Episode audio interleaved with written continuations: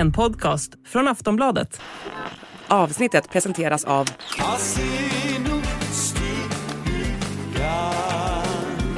Stödlinjen.se, åldersgräns 18 år. Alla blev chockade när drottning Margrethe meddelade att hon abdikerar och att Danmark får en ny regent. I det här avsnittet ska vi berätta allt om abdikationen, anledningarna till beslutet och det nya kungaparet. Vi ska även prata om ryktet som kunde ha förstört hela drottningens plan. Det här är Kungligt. Jag heter Sara Eriksson. Och jag heter Jenny Alexandersson.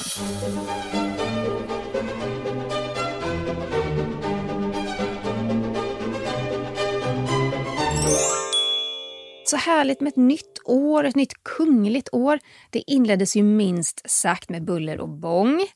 Vi satt ju båda två till bords på olika håll för att då äta nyårsmiddag och mm. fira in det nya året. Ehm, var befann du dig när eh, du fick det här beskedet? Jag var uppe med min familj i Sälen eh, så vi, och det är småbarn med där, min brors barn. Så att det var en tidig middag, så det var verkligen mitt i den då. Så tänkte jag ändå att jag måste ju kolla på drottning Margretes nyårstal. Och eh, det gjorde vi minst sagt. Vart var du någonstans? Eh, jag skulle precis sätta mig till bords på en, på en nyårsmiddag. Klockan var halv sju på kvällen, mm. eh, runt halv sju. Och då kom det här beskedet. Eh, fick telefonsamtal från redaktionen att nu måste vi gå upp live med tv. Det var två glas champagne innanför västen kan jag säga. Men det brukar ofta gå bra. Jag fick stänga in mig i ett eh, sovrum och koppla upp mig. Och sen var det bara att köra. Och det var ju också på något sätt, det var ett chockerande besked. Men det var också, det var också ganska roligt känner jag. Hon gör ju detta av egen fri vilja mm. och eh, det finns ju tankar bakom, vi ska gå in på dem sen. Men, eh, men eh, trevligt. Ja, Eller trevligt med abdikation, det kanske man ska säga, men, men det var ändå så här Någonting nytt det var något nytt. Ja. Minst sagt. Och liksom danska folket satt ju såklart redo att lyssna på drottning Margrethes nyårstal. Och man skulle säga att i Danmark så är det faktiskt väldigt många som, som kollar på drottningens tal. Om man till exempel jämför med i, i Sverige och Norge där kungarna håller då sitt jultal. Absolut att folk tittar och lyssnar, men i Danmark så finns det en tradition och jag upplever att man lite oavsett generation faktiskt tittar på när drottningen talar på nyårsafton. Och eh, just därför tyckte jag också att det var fint att drottningen valde det här tillfället till att meddela att ja, men jag väljer att backa tillbaka och nu abdikera till förmån för min son. Ja, I slutet av drottningens nyårstal så meddelade hon att hon eh, talade till folket på nyårsafton för allra sista gången. Jag tycker vi lyssnar lite på hur det lät. Jag har beslutat att det är nu det är det riktiga tidspunkt. Den 14 januari 2024 52 år efter att jag efterfulgte min älskade far vill jag träda tillbaka som Danmarks dronning. Jag överlämnar tronen och för er som inte är jättesäkra på danska, jag är inte det måste jag säga, så, så sa drottningen så här. Jag har beslutat att nu är den rätta tidpunkten. Den 14 januari 2024, 52 år efter att jag efterträdde min älskade far, vill jag träda tillbaka som Danmarks drottning. Jag överlåter tronen till min son kronprins Fredrik och det är mitt hopp att det nya kungaparet vill bli mött med samma hängivenhet och tillit som, som jag har mött. Det förtjänar de och det förtjänar Danmark. Och eh, innan hon sa det här då så pratade ju drottningen om den här ryggoperationen som hon genomgick i början av 2023 och att det kanske var den då som hon pratade på det sättet att den, den fick henne liksom att, att fundera på, på det här med framtiden och att ja, men det kanske är dags nu att lämna över till nästa generation. Hon sa ju så här, citat, tiden sliter ut och hälsan blir sämre. Jag har beslutat att det nu är rätt tidpunkt. Och Jenny, det här har vi faktiskt sett under hela förra året att drottningen har ju haft svårt att, att gå. Hon har använt sig av en käpp i flera tillfällen. Hon har suttit ner när hon har tagit emot på så mottagningar och sånt där. Så hon, hon verkar ha haft lite problem med rörligheten även efter operationen. Mm. Sen vet man ju inte exakt hur dålig hon har varit, men jag tycker man ser på henne att hon mår inte riktigt bra. Och hon uppger ju också de här hälsoskälen till abdikationen helt enkelt. Men eh, blev du förvånad? Jo, men det, det, måste jag ju säga att jag blev och jag tror att det förvånade många, precis som vi var lite inne på här tidigare, att drottning Margrethe har ju likt vår kung och norska kung Harald de har alltid sagt att de ser sina uppdrag som ett livsuppdrag. Och det har ju varit en väldigt stark tradition i, i Norden att man, det här är ett uppdrag man har fram tills den dagen man, man dör. Så att av alla, särskilt då om man tänker liksom drottning Margrethe är ju så himla drottninglik, så himla tra en traditionell monark. Så att ja, att hon valde att, att kliva tillbaka, det förvånade mig väldigt mycket. Vad var dina tankar? Jag blev också förvånad eh, just för att hon bara ett par år tidigare, eller några år tidigare, faktiskt har sagt i en intervju att hon sitter på tronen fram tills den dag hon dör. Men någonting har fått henne att ändra sig. Mm. Och eh, det är ju så att eh, det är den första abdikationen vi ser i Danmark på 900 år. Det är unikt, det är historiskt. Att man tar det beslutet, det handlar om hälsan. Och så är det ju att är man så pass dålig att man känner att man kan inte klara av eller orka med sitt ämbete så är ju det en lösning som finns. Mm. Och det beslutet tar ju regenten själv. Det är klart, det är samtal med, med regering och så vidare. Eh, det är inte så att en sjuk regent måste ta det beslutet. Det är inte lagbundet på något sätt, men det är en, en möjlighet. Men jag blev förvånad, för jag, jag trodde inte att Margrethe... Jag kände som du att hon är en regent av den gamla skolan mm. och hon kommer sitta på tronen tills hon dör. Men jag tyckte också det var intressant att se lite på så här, reaktionerna gällande det här. Att först, jag tror många blev väldigt förvånade och då blev man först att tyckte det var väldigt tråkigt och varför gör de det här och det har varit tradition och vad ska vi göra utan våran drottning? Och sen när det där fick marinera några dagar så var det som att folket landade nog lite i att vad klokt. Nu får de backa tillbaka och faktiskt njuta av de här liksom ålderns höst lite grann och kanske ägna sig åt liksom sina intressen snarare än det här uppdraget. Så hon är tror... ju ändå 83. Ja, man får det... inte glömma det. Nej, och jag menar, jag tror inte hon kommer luta sig tillbaka med armarna i kors, utan hon, eh, jag menar, hon, eh, gör, hon är kostymör, hon gör ju alltså, scenkostymer till balletter och teatrar, hon, hon gör illustrationer, hon har ju många kulturella mm, intressen. Mm, mm. Vad skönt för henne att få hänge sig. Ja, det är kanske det. Hon, hon kommer kanske bara ägna sig åt det nu och vad härligt att få göra det. Och, och vara ett stöd också till sin son, ja. säkerligen. Men det som jag också slogs av när, när drottningen meddelade det här, det här, det är ju att drottning Margrethe är ju faktiskt den nu levande monark som suttit längst på tronen i Europa. Och när hon nu abdikerar, då blir det ju hennes kusin, alltså vår svenska kung Carl Gustaf, som är den längst sittande nu levande regenten i Europa. Mm. Stort. Ja, och eh, den här abdikationen innebär ju också att efter tronskiftet nu på söndag så finns det faktiskt inte längre några kvinnliga regenter kvar på tronen i Europas kungahus. Och nästa regerande drottning, det torde bli kronprinsessan Victoria. Då. Ja, förmodligen. Ja, spännande. Väldigt. Men det är klart att ett sånt här beslut, ja det rör bara regentskapet i Danmark. Men i den värld vi lever i så påverkar det ju alla kungahus i närheten. Det är ju ingen isolerad händelse som nej, nej, bara nej. diskuteras i Danmark utan tvärtom så har den ju fått det, svallvågor både i Norge och eh, Sverige. Och jag märkte det i morse när jag satt med i TV4 Nyhetsmorgon att då var det också en norsk eh, reporter, journalist med. Och han sa ju det också att det är klart att eh, Eh, man märker ju det att det blir diskussioner kring den norska monarkin och den svenska monarkin och folks åsikter och eh, uppfattningar om kungahusen. Ja, om man tittar då i Norge, kung Harald, han är 86 år. Han har ju faktiskt haft det väldigt kämpigt med hälsan eh, förra året. Han fick ju ställa in många uppdrag och varit inlagd på sjukhus och så vidare. Och I Norge pratar man mycket om det, alltså kronprins Håkon och kronprinsessa Mette-Marit, de är båda 50 plus nu och det känns som att även de är väldigt redo för sina uppdrag. Mm. Och vår kung, han är 77. Han opererades också, det var väl i början av 2023. Mm. Eh, men jag har inte märkt några signaler på att han skulle ens vara intresserad av abdikation. Det finns ju inte i hans tankevärld på det viset. Nej. Han är verkligen en kung som sitter på tronen tills, tills han dör. Ja.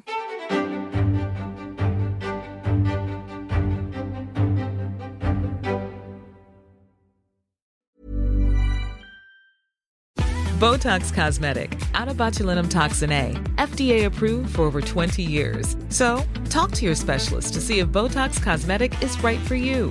For full prescribing information, including boxed warning, visit BotoxCosmetic.com or call 877-351-0300. Remember to ask for Botox Cosmetic by name. To see for yourself and learn more, visit BotoxCosmetic.com. That's BotoxCosmetic.com.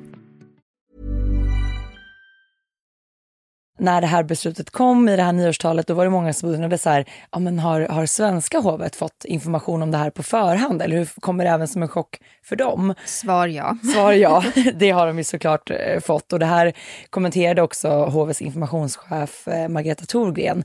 Hon skrev då ett eh, sms till SVT där de bekräftade att hela den svenska kungafamiljen har informerats om beslutet att abdikera och att drottning Margareta har personligen talat och informerat kungen om sitt abdikationsbeslut. Så de, jag tänker att de också står varandra ganska nära de här två kusinerna och de är egentligen båda två i, ja, men i liknande ålder får man ju säga. Det är samma generation i alla fall. Så det är klart att de kan rådgöra med varandra och ha diskussioner om, om saker och ting. Och det är ju mycket möjligt att, att drottning Margrethe också haft ja, men kanske stött och blött med, med sin kusin som är i samma generation. Ja, men precis som kronprinsessan Victoria har berättat vilket stöd hon har haft av kronprinsarna Fredrik och, och Håkon. Att det är klart att drottning Margrethe har ju haft det stödet av kungen och jag tror att det har varit väldigt viktigt att, att ha den stöttepelaren i, jag menar båda två var relativt unga när de tog över tronen och ja men att det här blir ju verkligen en skillnad att, att kronprins Fredrik som nu blir kung, han kommer fortsatt kunna liksom diskutera och prata med sin mor och, och, få vägledning. Det hade ju varken vår kung eller Margrethe när de tog över, utan det gjorde de ju på grund av att eh, kungen innan då hade dött. Så att väldigt stor skillnad. Ja, men i vanliga fall när det är tronskifte så är det en dag av sorg mm. också.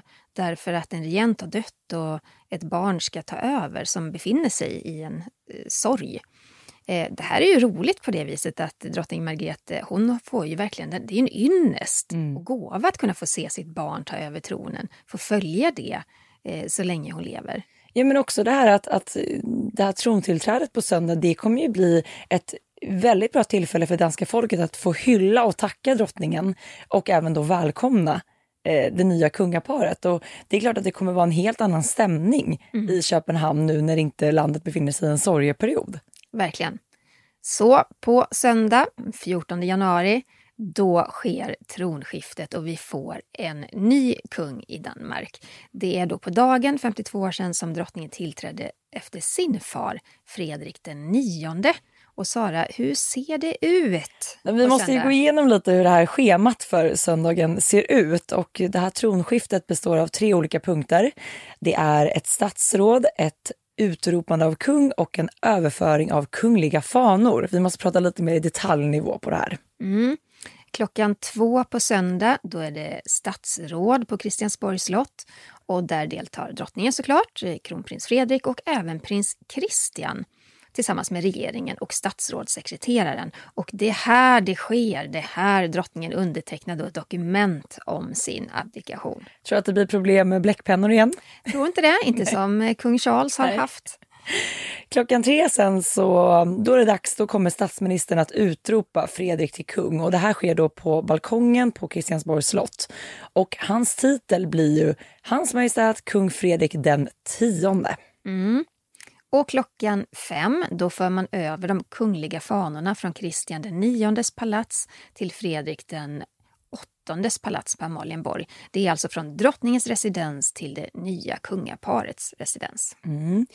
Och det sker även något väldigt symboliskt och spännande med de här kungliga transporterna. För att drottning Margrethe hon kommer att lämna sitt residens på Amalienborg med häst och vagn i, i kortegen då när hon tar sig till Kristiansborgs slott där den här abdikationen kommer att ske.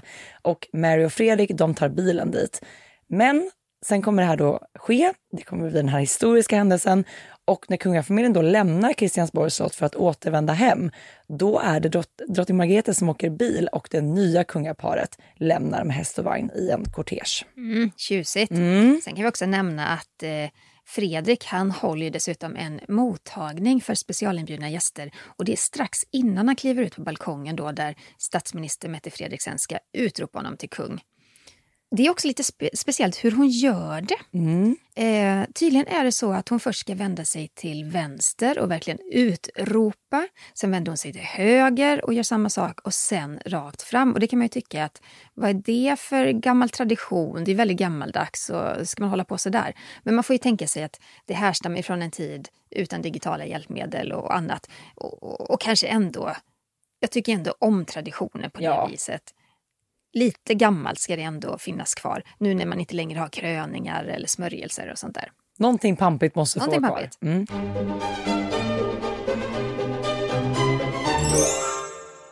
Ja, och frågan är ju vad statsminister Mette Fredriksen kommer att säga eftersom att drottningen är ju vid liv när det här tronskiftet sker. Och danska hovexperten Lars Hovbacke Sörensen, han tror att hon kommer att säga något i stil med drottning Margrethe den andra har abdikerat, länge leve hans majestät Fredrik den tionde. Mm. Eh, Kung Fredrik kommer ju också hålla ett tal. Visst ligger det fortfarande konstigt i munnen att säga kung Fredrik? Ja, men det är som, jag har ju fortfarande inte vant mig vid att säga kung Charles, så att här kommer det bli tankevurpor. Man kommer snubbla på, Ja, på det här. Ja. Kung Fredrik, ja. Kung Fredrik han kommer hålla ett tal på balkongen och han kommer avsluta då med att berätta vilket valspråk som han har valt. Och det är lite svårt det här med, med valspråk. Alltså svårare än vad man tror, för det ska ligga rätt, det ska vara lätt att säga, det ska vara något som folk kommer ihåg och det ska verkligen säga någonting om personen och hans regentskap. Eh, Margretes valspråk är ju, än så länge, fram till söndag i alla fall, Guds hjälp, folkets kärlek, Danmarks styrka. Mm. Men vad tror vi om Fredriks valspråk? Men han måste ju nu sätta sin prägel på den danska monarkin såklart. Han måste vara modern och relevant och liksom det måste klinga med samtiden och allt vad det innebär. Jag har lite svårt att se att Fredrik kommer att blanda in Gud i sitt valspråk. Det tror inte jag heller. Det känns ju, alltså idag står ju inte monarkin lika nära kyrkan som den en gång i tiden har gjort. Utan ja, det, jag tycker det ska bli väldigt spännande och man undrar ju lite så här hur, lång, hur länge den blivande kung Fredrik haft på sig att slipa på det här. Det, och liksom Ja. vilka, det måste vara många rådgivare med i det här. Säkert. Mm. Och han har diskuterat och stött och blött med Mary också säkert och alla i närheten som, som har inblick i det. Det är ju spännande att tänka på det. Jättespännande. Hur han har funderat kring sitt renskap. Mm. Efter den här balkongscenen så, ja, vid ungefär tio över tre så kommer det skjutas en hederssalut till kungens ära. Det är tre gånger 27 skott. Och det kommer att höras över hela Köpenhamn skulle jag tro. Och samtidigt så halar man då den här kungliga flaggan från drottning Margretes residens. Hon bor ju på Kristian IX palats på Amalienborg. Och så ska den då hissas, hissas upp på det nya kungaparets residens, Fredrik den åttondes palats på Amalienborg. Ja, och även om den här stora, de stora händelserna är ju på söndag, men tronskiftet spelar ju även över på måndagen och även nästkommande söndag. Den 15 januari är kungafamiljen med vid Folketingets markering av tronskiftet. Och under mötet i Folketingssalen så talar Folketingets talman och statsminister. Och i samband med detta så förmedlar då statsministern ett muntligt meddelande till kungen och Folketinget. Och efter det så kommer kungafamiljen att delta vid en mottagning i landstingssalen. Mm, och på söndagen då om en vecka så håller man en festgudstjänst i Århus domkyrka där kungafamiljen är med också. Sen är det som vanligt, det är representanter från det officiella Danmark och företrädare för Århus stad. Så att det är mm, pompa och ståt ett par dagar till där. Men apropå då att vi har lite svårt att liksom landa i att vi ska kalla honom för kung Fredrik så är det ju så att på söndag så har vi nya titlar inom det danska hovet. Eh, vi måste ju, det är inte bara kronprins Fredrik som får en ny titel. Nej, Fredrik blir ju alltså då hans majestät, kung Fredrik den tionde. Det är ju hans morfar då som var Fredrik den nionde. Så att det, Det är ju så roligt i Danmark tycker jag att det är varannan Fredrik och Christian. ja, Mm. det är lite galet. Och det kommer ju bli så i framtiden också. Det är ju, det, för det kommer vi in på. Det är nämligen så att prins Christian, som är son till Fredrik, han blir ju nu eh, kronprins. Han blir hans kungliga höghet, kronprins Christian. Ja, och han fyllde ju 18 år här i höstas så att han är ju verkligen så här ny, nykläckt 18-åring och myndig person. Så att, Precis. vilket också krävs då för att äntra den här titeln. Mm, eh, kronprinsessan Mary, hon blir ju då hennes majestät, drottning Mary. Och eh, då kan man också nämna att efter tronskiftet så är ju Margrethe, hon har ju fortfarande kvar sin drottningtitel. Och man säger fort, fortfarande hennes majestät drottning Margrethe. Och, då, och så kommer det ju vara fram tills eh, hennes död. Och det här är ju precis samma sak som i Storbritannien, vilket vi fick många frågor om. Att så här, Mary kommer ha titeln drottning, men det är ju ändå en stor skillnad mot att vara regerande drottning. Men man, man uttrycker det på samma sätt helt enkelt.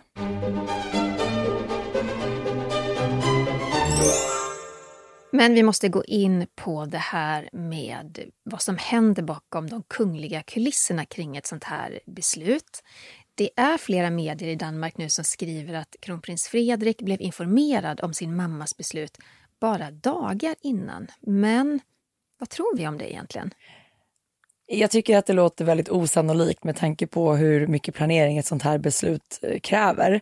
Eh, men samtidigt så slogs jag av tanken att du vet när drottningen tog beslutet om eh, prins Joakims barn och deras titlar så gick ju han själv ut i media och sa att han fick det med så här en eller två dagars kort varsel.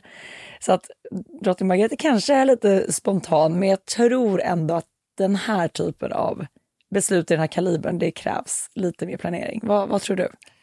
Eh, jag tror inte på det. Jag tror att hon helt klart har diskuterat det här med sin son och att de här diskussionerna kanske böljat av och till en tid. Inte en chans att han ska chockas av något besked från sin mamma några dagar innan. Det tror jag absolut inte på. Eh, det handlar ju också om att eh, diskussioner med regeringen, mm. de behöver också få information kring detta. Men framför allt att Fredrik ska bli förberedd på det som kommer. För sen så sker ju händelser ganska snabbt efter ett sånt beslut. Så nej, inte att han skulle fått information tilldelad sådär i, i sista minuten. julledigheterna. Nej, nej, nej, det tror jag inte. Nej. Men jag tycker ändå vi kan prata om det här med prins Joakim som du var inne på Sara. Det var ju så att eh, Margrethe för, är det ett år sedan eller längre? Hon tog ju beslutet under 2022 och sen var det ju då vid årsskiftet 2022-2023 som ja. de liksom eh, inträffade. Då är det så att Joakims barn, han har ju fyra barn. Yes. Eh, de blir av med sina prins och prinsesstitlar.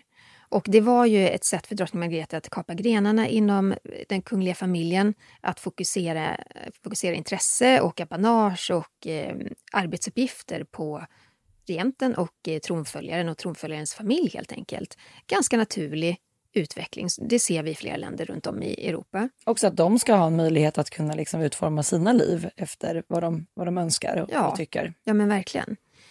Men eh, då var det ju så här att det var drottningen som tog det beslutet. Och kanske fanns det en tanke redan där kring ett tronskifte. För att Margrethe sa ju också vid något tillfälle, om jag minns rätt, att det är viktigt att hon tar beslutet och att inte Fredrik ska behöva ta det. För tar han det i början av sin rentid så färgas ju hans första tid av kritik och rubriker kring att han är elak mot sin bror. Ja, och där kan man ju dra en parallell till Storbritannien för att eh, vi såg ju faktiskt en liknande situation med eh, drottning Elizabeth som i samband med sitt eh, tronjubileum när hon firade 70 år på tronen, då gick ju hon ut och meddelade att den dagen hon dör, då blir Camilla drottning. Det har varit väldigt många liksom, diskussioner och spekulationer gällande det. Och precis som du är inne på, det handlar också om att kung Charles som nybliven kung inte skulle behöva ta det beslutet. För då hade det kunnat blivit väldigt mycket mer ifrågasatt än vad det, det blev i de här, båda de här två fallen. Mm. Vi har faktiskt fått en lyssnarfråga om just det här. Eh, och den kom på mejlen bara för en stund sedan. Men, men det, frågan är just så här då. Finns det något som hindrar att kung Fredrik den tionde ge tillbaka prins och prinsesstitlarna till Joakims, Alexandras och Maries barn? Ja, men Fredrik kan ju om han vill som kung ta ett beslut om att ge tillbaka titlarna till sina eh, brorsbarn.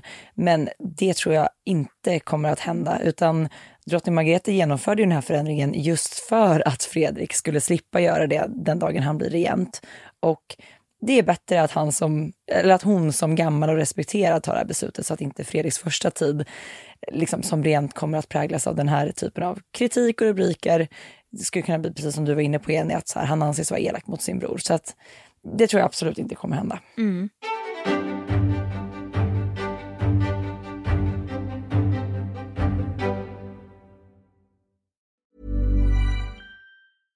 This message comes from BOF sponsor eBay. You'll know real when you get it. It'll say eBay Authenticity Guarantee. And you'll feel it. Maybe it's a head turning handbag, a watch that says it all, jewelry that makes you look like the gem, or sneakers and streetwear so fresh every step feels fly. eBay gets it. So look for the blue check mark next to that thing you love and be confident that every inch, stitch, sole, and logo is checked by experts. With eBay Authenticity Guarantee, you can trust that feeling of real is always in reach. Ensure your next purchase is the real deal. Visit eBay.com for terms.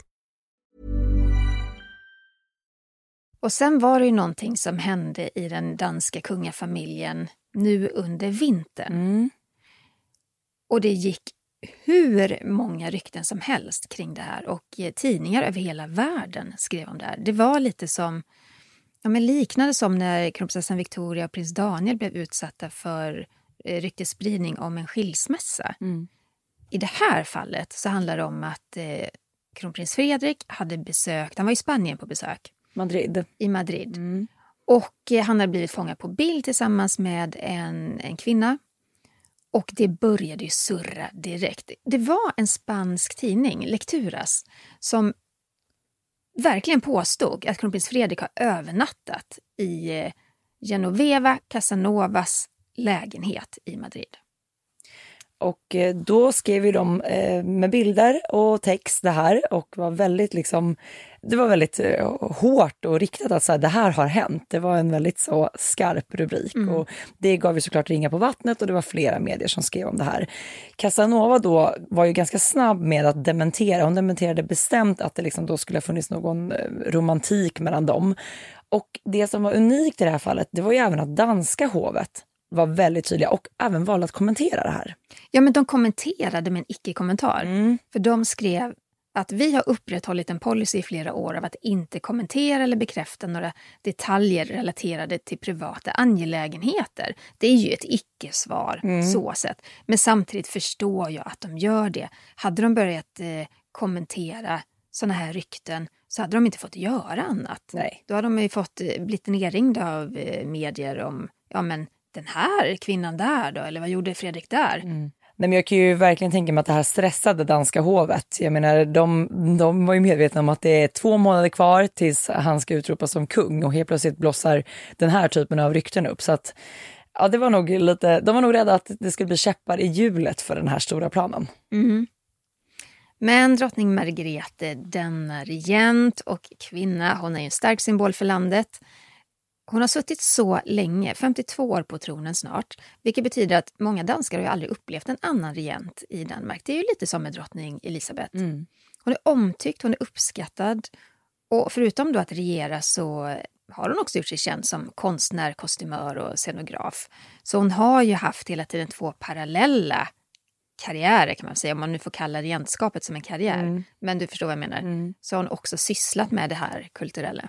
Men det man gillar så mycket, eller det jag gillar så mycket och jag vet att många håller med om det med drottning Margrethe, det är att hon är ju, hon är liksom hon är så mycket royal, hon är så majestätisk, hon är så drottninglik, hon är verkligen av den här gamla skolan men som ändå har följt liksom utvecklingen och blivit en modern, en modern drottning på ena benet och fortfarande liksom den här, det här gamla på det andra. Och i det här supermajestätiska, liksom, hon har fortfarande päls och liksom, hon är drottninglik och röker och eh, dricker.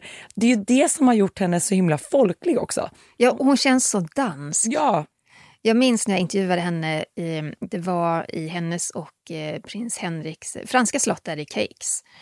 Eh, det var solig sommardag. Vi var uppe på den här terrassen vid slottet och det första som händer är att man får ett glas vin i handen. såklart. Och jag kan tycka att det är så befriande. Och också, hon har en väldigt befriande relation till medier. Hon är inte rädd för fem öre, utan det hon säger, det står hon för. och Hon säger det med pondus. Och hon, hon kan också, ja, men också prata om saker utan att... Jag tror inte hon går och tänker att åh nej, det här kan bli en stor rubrik. Utan hon säger det hon vill säga. Och så är det nog med det. Och sen bryr inte hon sig så mycket om skriverier, utan eh, hon, hon är avslappnad Ja. på det sättet. tänkte också på det när hon... eh, Dels tänkte jag på det här med att hon är en av mina favorit liksom. Den här bilden på drottningen som liksom aldrig blir tråkig att titta på. När hon, jag tror hon har varit på Lidl och handlat. Hon har liksom en festis i ena handen, en cigg i andra. Det är bara så här, jag älskar den. Och sen tänkte, tänkte jag på det här med just närheten till folket. När hon firade 50 år på tronen då bjöd ju hon in folket till slottet. Alltså m- massa olika yrkesgrupper, åldrar som fick liksom sätta sig med henne och bara ställa vilka frågor de ville. Underbart. Ja. Men Danmark och den danska monarkin, det är ju någonting speciellt med den också. Och ha, den har ju av och till hängt ihop med den svenska. Men den danska är en av de äldsta monarkierna i världen med över tusen års historia. Och den här ätten Oldenburg har ju regerat i Danmark sedan 1448 och efter det så tog ju en sidogren av ätten över. Och eh, håll i hatten! Schleswig, Holstein, Sonderburg, Glücksburg. Och det var ju när Kristian den nionde blev kung 1863 och det är den grenen då som Margrethe tillhör. Ja, och den första danska kung man känner till det är ju Gorm den gamle som dog, det här är också, det är så länge sedan, Ja. 958. Och i början så valde man ju sin kung men ofta så hamnade ju valet på kungens äldste son trots allt. Så att det har ändå sett ut lite så genom historien också. Och vid 660 så blev landet ett envälde där kungen hade enormt mycket makt och äldsta sonen ärvde titeln i generation efter generation. 1849 så försvann enväldet och man gick över till en konstitutionell monarki där kungen främst hade ceremoniella uppgifter och väldigt mycket mindre makt. Och Fredrik den sjunde, han hade inga barn när han dog. Han gick ur tiden 1863 och då gick tronen till prins Christian av Glücksborg som då var ättling till Kristian den tredje. Jag tänker på det här när du sa det, Sara, varannan är Kristian, varannan är Fredrik. Det blir snurrigt. Ja, Ja den här prinsen han blev då Kristian den nionde och som vi sa innan, han är stamfader till dagens danska kungafamilj och till Margrethe. Han blev faktiskt en av världens längst regerande monarker och han fick smeknamnet Europas svärfar. Han var lite smart nämligen. Hans familj och han själv då såg till att bli släktingar med hela Europas kungafamiljer. Och håll i er nu, nu kommer en radda här igen. Hans dotter Alexandra gifte sig med Edvard VII av England. Dottern Dagmar gifte sig med Alexander III av Ryssland. Yngsta dottern Tyra gifte sig med hertig Ernst August av Cumberland. Och sonen Wilhelm, han blev kung av Grekland under namnet George den förste. Och sonsonen Karl blev kung av Norge som Håkon den sjunde. Nej, men han Inte är ju, dåligt. Det är inte dåligt och där får man säga att man, man kan jämföra honom lite med drottning Victoria av Storbritannien som också såg till att liksom, här ska familjen bli släkt med hela Europa. Eh, man tänkte ju liksom, där och då handlade det ju väldigt mycket om diplomati. Bevara gränser, Ja. skapa allianser. Det var ju på ett helt annat sätt då. Ja, men det är häftigt tycker jag. Alltså det här är en sån himla intressant del av, av den kungliga historien. Liksom hur de här släkterna har spridits ut och hur de liksom skapat nya familjer. Alltså Jag tycker det är, det är coolt, väldigt intressant. Margretes pappa då? Det var ju flera generationer senare.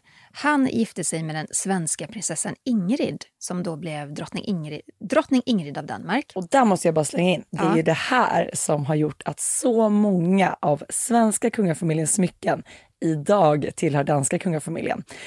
För att Ingrid tog med. Ja, Ingrid fick ju med sig väldigt många praktpjäser ifrån de svenska smyckeskrinan som vi nu ser på de danska kungligheterna. Mm, det är spännande. Mm.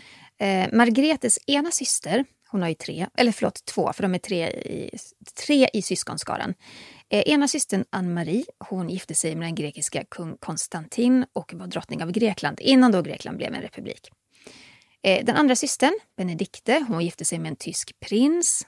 Ja, och som ni vet, Margrethe själv, hon gifte sig med en fransk prins, nämligen Henri. Mm. Och allt det här betyder att danska kungafamiljen i stort sett alltid är bjudna till de här europeiska kungliga bröllopen, dopen, begravningarna och festerna. De har ju släkt överallt kan man säga. Mm. Och Margretes pappa, Fredrik IX, och hans fru fick som sagt tre döttrar, inga söner. Och eh, enligt dåvarande dansk grundlag då skulle tronen gå, gå då istället till Fredrik IXs bror, prins Knud, för han hade ju söner. Efter det så skulle det då gå vidare till Knuts son Ingolf. Eh, men Knut och hans familj de var inte alls lika populära som eh, kronprinsfamiljen. Och i Danmark så sa man faktiskt lite elakt så tar vi det en gång till för prins Knud. Alltså att man måste vara övertydlig. Det är inte snällt sagt. Men, Nej, nej. men ha, man hade liksom en sån bild av eh, Knut och hans familj. Eh, Prinsen betraktades inte som den vassaste kniven i lådan. Okej, fine.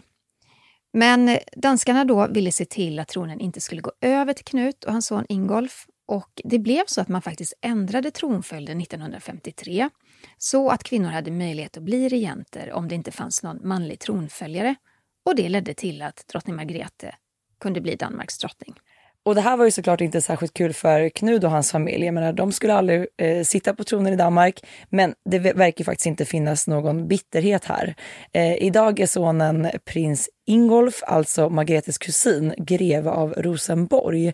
Och han var under cirka 50 år lantbrukare på det stora vackra Egeland gods i Smidsrup på södra, södra Jylland. Och eh, han sålde faktiskt det våren 2023 och flyttade in i ett mindre hus i närheten, eller mindre och mindre, 400 kvadrat. Oh, det är inte så litet. Nej. Och han får ju också ett apanage, eh, sägs det, på cirka en och en halv miljoner danska kronor per år. Och det påstås ju då vara som någon slags tröst eller ersättning för att han inte fick bli kung. Eh, när han gifte sig första gången, 1968, med borgerliga Inge Törney så fick han avsäga sig sin kungliga höghetstitel och titeln prins av Danmark. Men han är då greve istället. Han gifte om sig 98 med advokaten Sussi Jorhöj Pedersen.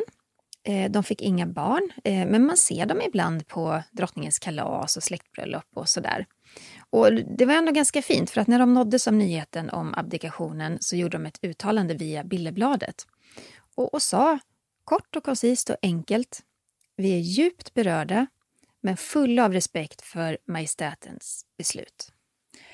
Ja, och vi kan också passa på att säga att man i Danmark 2009 så då ändrade man i tronföljden så att äldsta barnet oavsett kön kan ärva tronen. Och det var väl kanske lite för, ja men det här hade varit på tal innan och man skulle säkerställa det framåt.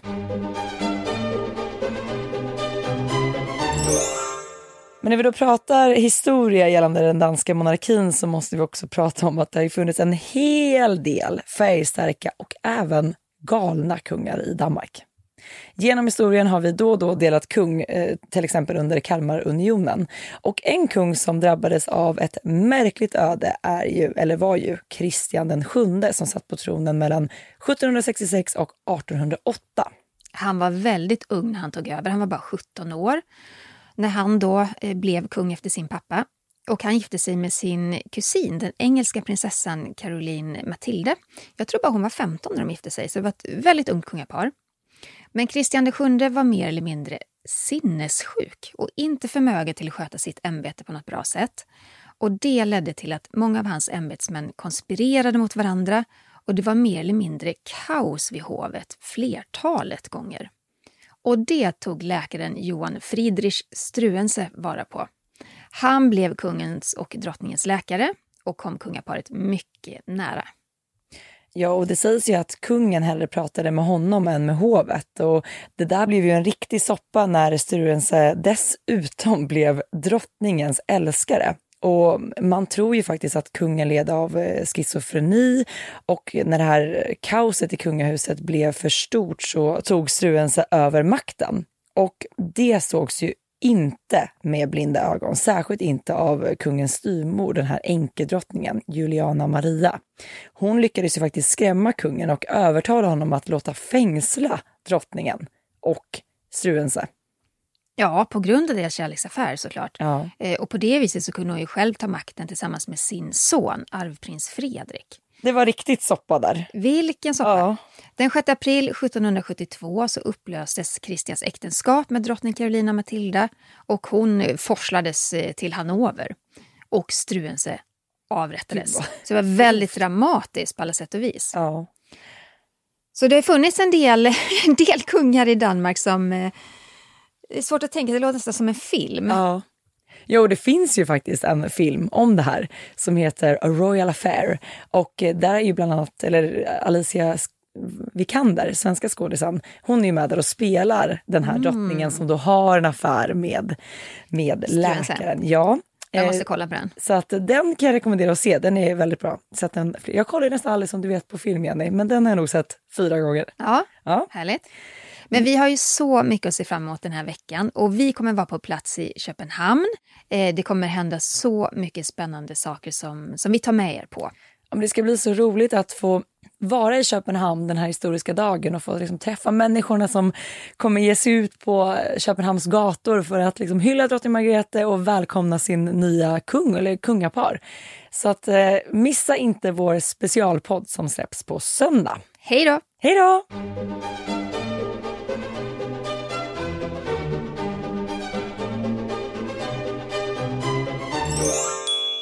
Du har lyssnat på en podcast från Aftonbladet.